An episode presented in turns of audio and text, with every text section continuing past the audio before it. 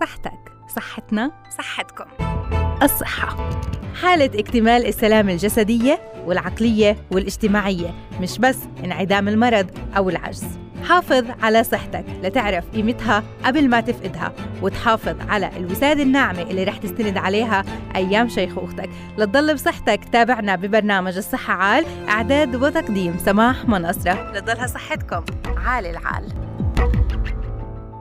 اليوم اخترنا لكم موضوع نحكي فيه عن تناول الأدوية خلال الشهر الفضيل وكثير من الأشخاص اللي بيكون عندهم تقطيع في تناول الأدوية وبصيروا على الصيام بالرغم من معرفتهم بالخطورة الصحية اللي ممكن يسببها الصيام خصوصا لأصحاب الأمراض المزمنة اللي لازم يتناولوا الدواء وفق مواعيد محددة. اليوم بدنا نحكي عن بعض الأشخاص خلال شهر رمضان المبارك اللي بغيروا من كمية الدواء اللي بتناولوها أو المدة الزمنية بين مواعيد الدواء اللي ممكن تختل خلال خلال الشهر الفضيل كل هذا بدون استشارة طبية. النتائج بتكون بتغيير مفعول الدواء على الجسم. فاليوم حديثنا رح يكون عن تناول الأدوية في رمضان لأخذ الاحتياطات المناسبة من هلأ وتوصيات بشأن تناول الأدوية أثناء الصيام وأدوية لا يبطل تناولها الصيام. هذا الموضوع اللي بدنا نناقشه اليوم مع المحاضر في كلية الصيدلة بجامعة الخليل الدكتور محمد دويب. حديثنا لليوم عن الأدوية وتناولها في شهر رمضان المبارك. كيف نتناول الأدوية. هل الصيام بيأثر على الأدوية اللي بتعطاها المريض؟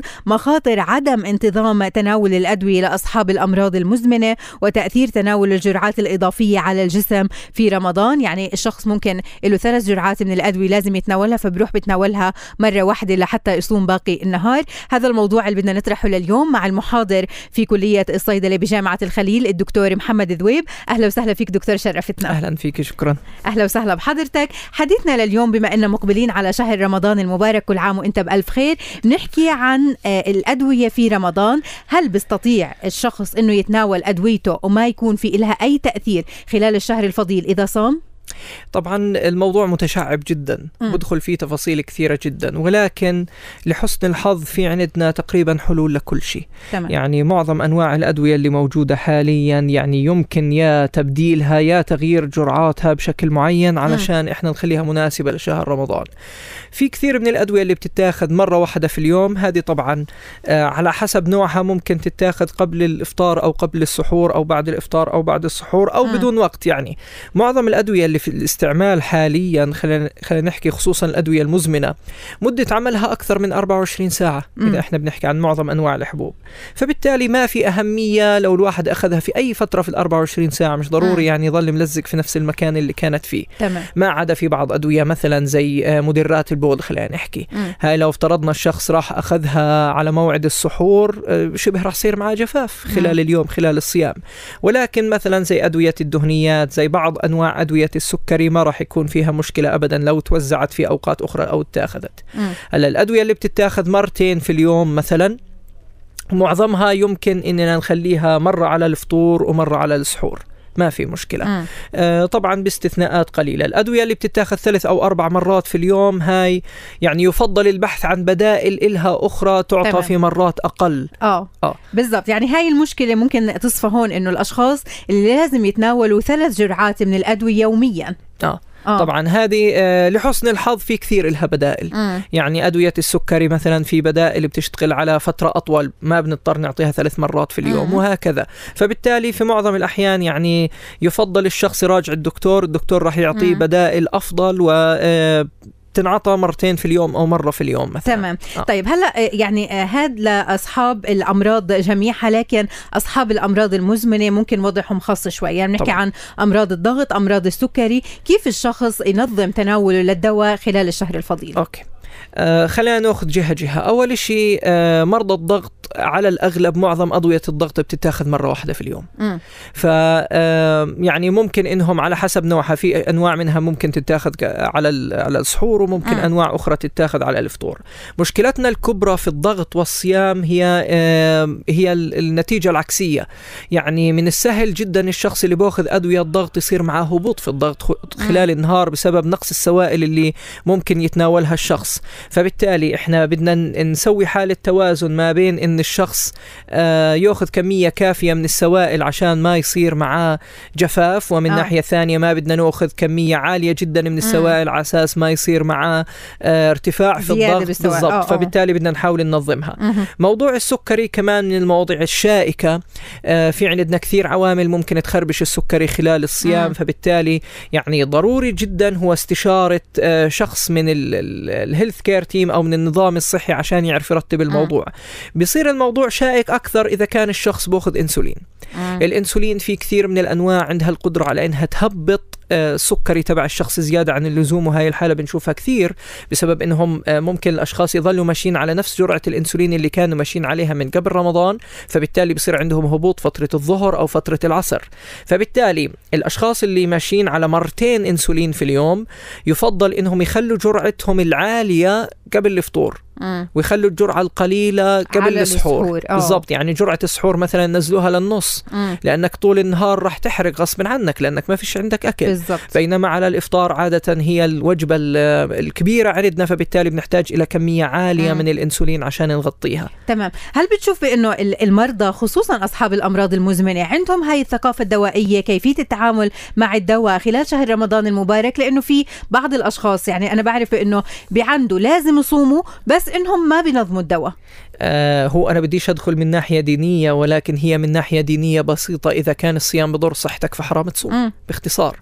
آه معظم الأشخاص آه بيبحثوا عن النصيحة بشكل صحيح ولكن للأسف بيبحثوا عنها متأخر شوية. صح. يعني بعد ما يبلش الصيام بصيروا يدوروا شو نسوي لهيك إحنا طرحنا هذا الموضوع في هذا الوقت. مبكرا م. لازم يكون. أنا نفس الشيء عندي صفحة الصيدلية صيدلية عمر. م. بلشت من امبارح أنزل عليها المواضيع المتعلقة بالصيام. بدي أبلش يوم يوم. امبارح حكيت عن السكري.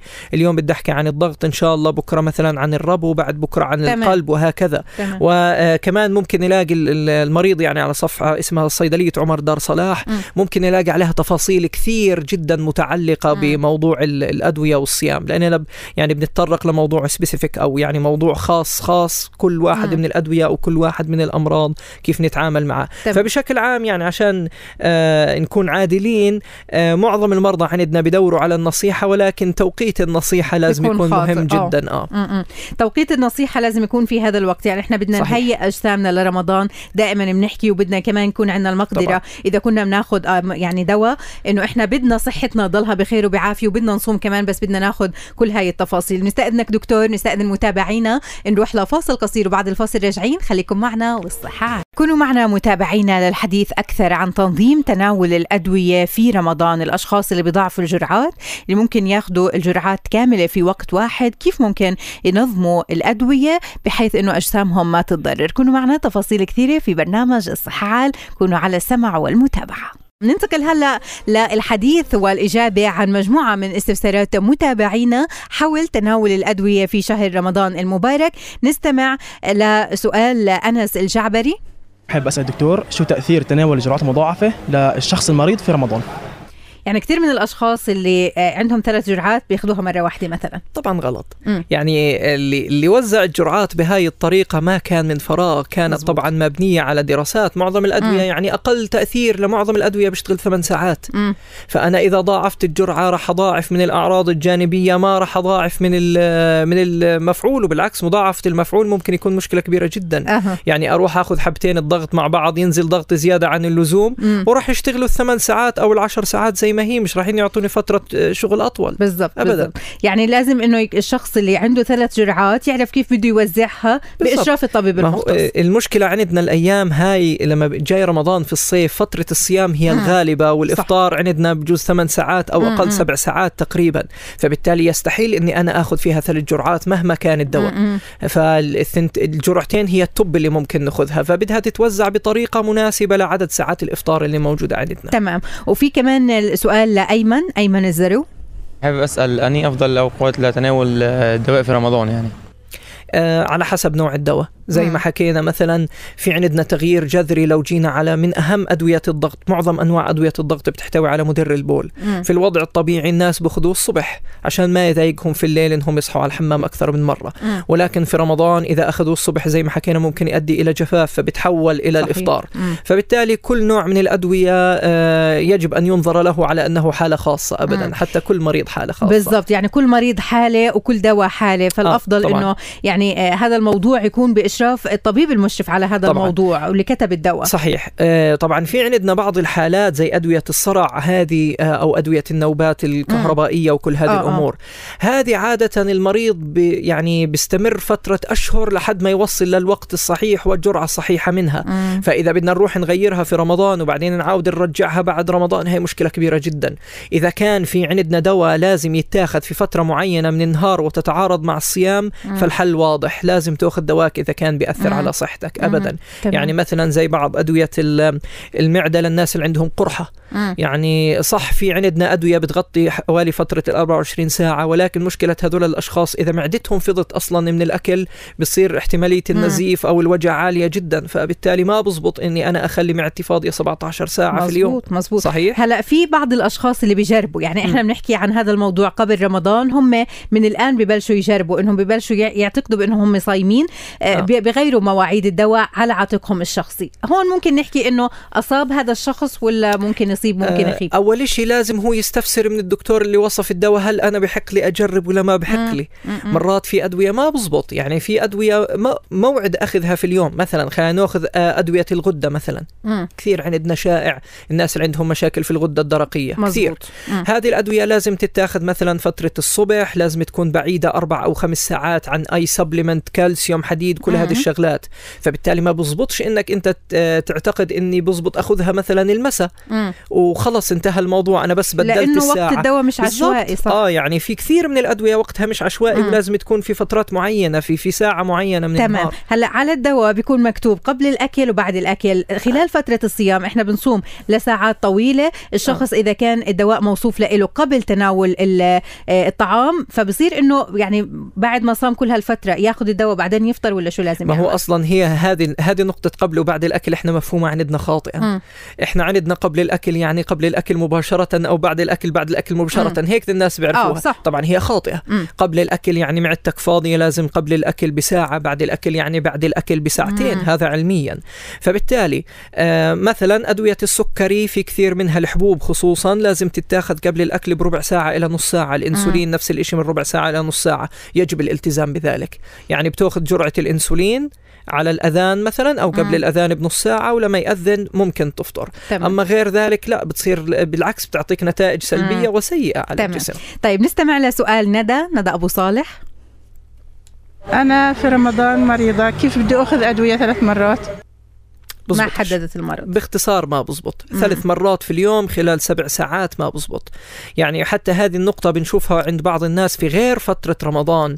في ناس آه، بنظروا على إني أنا إذا بدي آخذ الدواء ثلاث مرات في اليوم معناها أنا من الصبح للعصر لازم آخذ ثلاث مرات؟ لا هي المفروض تكون موزعة بشكل حوالي ثمان ساعات ما بين الجرعة والثانية. مم. فبالتالي إذا أنا بدي أجي أحسب آه، إحنا بنفطر تقريبا الساعة سبعة ونص بنتسحر قديش؟ الساعة أربعة تقريبا بين هذول الفترتين ثلاث مرات؟ لا يستحيل. يجب يا إننا بنروح بنغير نوع الدواء بشكل كامل إذا كان بزبط كثير من الأدوية زي زي ما حكينا بتزبط يعني لحسن الحظ.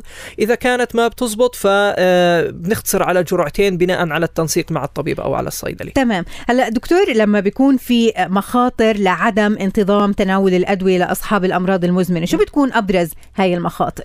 آه عادة المفعول اللي ناتج من آه يا إما نقص استعمال الدواء أو زيادة استعمال الدواء. م. يعني مثلا أصحاب مرض السكري يا إما بصير معهم زيادة أو نقص في السكري هبوط أو ارتفاع. م. الضغط نفس الشيء آه مثلا زي ما حكينا آه، الناس اللي عندهم نوبات الصرع ممكن يتعرضوا ل frequency أو لتردد أكثر أوه. لنوبات الصرع. وهكذا. فبالتالي هي يا إما زيادة أو ارتفاع في في مفعول الدواء على الأغلب. تمام. وهذه كلها طبعا عادة بتكون خطيرة. يعني إحنا كلنا بنعرف إننا آه، في عندنا خطر كبير جدا آه، بيرتفع السكر عندنا على المدى البعيد بيؤدي إلى مشاكل في الرجلين في الكلى في العيون وغيرها. ولكن للأسف هبوط السكري على المدى القصير أخطر بكثير. كثير جدا. بنلاقي عدد كبير من الناس اللي معاهم سكري خصوصا اللي بيستعملوا الإنسولين بيحاولوا إنهم يصوموا أول فترة بيشوفوا إنهم صار السكر عندهم يهبط في نص النهار. فبالتالي بيضطروا يفطروا في نص النهار. مش كل الناس حتى بتشعر بنوبة هبوط السكر وهذا الكلام ممكن يهدد آه، الحياة. صح. إذا كان الواحد بيسوق أو بيتعامل مع آلات خطرة أو حتى آه، وحيد في الدار مثلا فهبوط السكر حالة ممكن تكون قاتلة جدا. تمام لا سمح الله. طبعا. طيب هون يعني كمان بدنا نستمع لسؤال آه، مريض كمان بيسال عن مرض السكري. نستمع لسؤال نافذ. أنا مريض بمرض السكري. مش عارف كيف بدي آخذ الدواء الصباحي لأنه بتأثر كثير ان ما اخذتوش لازم الساعة 7 الصبح آخذ دواء السكري آه هذا بدنا نسأل الدكتور كيف بدنا نتعامل برمضان في الدواء السكري يعني. آه إذا كان بتأثر بشكل كبير جدا إذا غير توقيت أخذ الدواء لا خذ دواك في نفس المكان الصحيح. م. وربنا أعطاك الرخصة إنك تفطر وإنك تعطي آه يعني الكفارات بأنواعها طبعا. آه بس أنا من رأيي إذا أنت حاولت إنك تتواصل مع الطبيب آه شاطر خلينا نحكي مع الاحترام الشديد لكل أطبائنا كلهم شاطرين أكيد. آه هو راح يعطيك الحل الصحيح ويحكي لك متى اللحظة المناسبة. م. بشكل عام الحل في أدوية السكري دائما هو إني أعكس نهاري. يعني الأدوية اللي عادة أنا كنت باخذها الصبح أخذها المساء واللي باخذها آه. المساء باخذها الصبح أو الجرعات. هاي بتزبط مع البعض بس آه بتزبط مع, مع البعض. طبعا آه. فعشان هيك إحنا حكينا كل مريض هو حالة خاصة مزبوط. كل دواء هو حالة خاصة. طيب خلينا نستمع لسؤال جهاد. لو سمحت بدي أوجه لك سؤال سيادة الدكتور. ما هي الأمراض التي لا يجوز فيها تغيير مواعيد إعطاء الأدوية؟ آه، طبعا كثيرة زي ما حكينا أدوية الصرع أدوية الغدة من أهمها. م. في بعض أدوية السكري لبعض الأشخاص بعض أدوية الدهنيات عند بعض الأشخاص الآخرين. آم آم شو بدي أتذكر؟ كثير الحالات يعني أدوية القلب في بعض عند. بعض الأشخاص. آه وجدنا مثلا مش زي الأسبرين الأسبرين عادي بيشتغل 24 ساعة. في بعض الأدوية اللي هي بتخفف نبض القلب خلينا نحكي. آه وجدوا إنهم بعض الأشخاص اللي بيستعملوها آه يعني أو بيعكسوا نهارهم زي ما حكينا. بيكونوا يكونوا أكثر عرضة لتعرضهم للذبحة الصدرية أو للجلطة في النهار لا سمح الله آه طبعا فبالتالي هاي كمان مرة لازم ترجع إلى إني أنا لازم أستشير طبيبي اللي أنا ماشي مم. معاه خلال سنوات طويلة وهو راح يعطيني أكيد الحل الصحيح تمام. طبعا بعض المرات إذا الدكتور حكى لك آه خلص إفطار فمعناها فيش فيها آه. نقاش خلص انتهت بالضبط آه. وكمان يعني بدك تعرف إنه هي الصحة يعني تاج على رؤوس الأصحاء وأنت لازم تعرف جسمك شو بتحمل وشو ما بتحمل لأنه في بعض الأشخاص كمان ببالغوا ممكن بهذا الموضوع أنا أنا مريض فبدي أفطر فكثير كمان ممكن إنه هون المرض يكون علاج لإلك. إذا أنت عرفت بالضبط كيف تاخذ يعني دواك.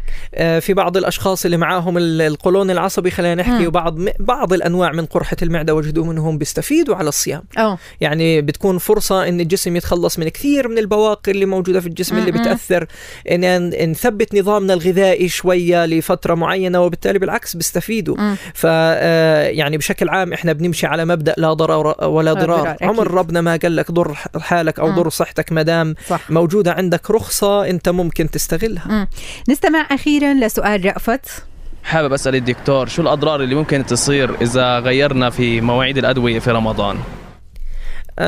هي بنرجع لنفس المبدأ هو إننا ممكن إحنا آه، نعرض حالنا لزيادة أو لنقصان مفعول الدواء زي مثلا ارتفاع الضغط كثير أو نزول الضغط كثير ارتفاع السكر أو نزول السكر مرات إحنا بنخربش. عمل بعض الهرمونات زي الغدة الدرقية وزي الغدة فوق الكلوية وغيرها. بس في نقطة مهمة جدا لازم أحكيها قبل ما نخلص متعلقة بشراب العرقسوس شراب العرقسوس بجوز حكيناها قبل هالمرة في واحدة من المقابلات بيحتوي على كمية عالية من الكورتيزون الكورتيزون مم. والكورتيزون آه وهو أصلا هو نفس المبدأ اللي إحنا بنشتغل عليه أو بنستفيد منه في الصيام أنا لما باخذ كمية عالية من الكورتيزون الكورتيزون معروف بجمع سوائل في الجسم مم. فبالتالي بخليناش نعطش ولكن كمان من ناحية ثانية هو مضر جدا للأشخاص اللي معهم سكري للأشخاص اللي معهم ضغط برفع السكر كثير مم. برفع الضغط كثير بسوي احتباس للسوائل وهذا الكلام طبعا مضر جدا فيعني الوسطية في كل شيء هي حل أكيد المغالاة والمبالغة وال... والحلويات سيئة. والأكل وكل شيء آه أكيد والمشروبات أكيد طبعا. بدي أتشكرك دكتور يعطيك ألف عافية. شكرا جزيلا لكل هاي المعلومات والصحة والعافية والخير لكل متابعينا. لكم تحياتي أنا سماح منصر في أمان الله.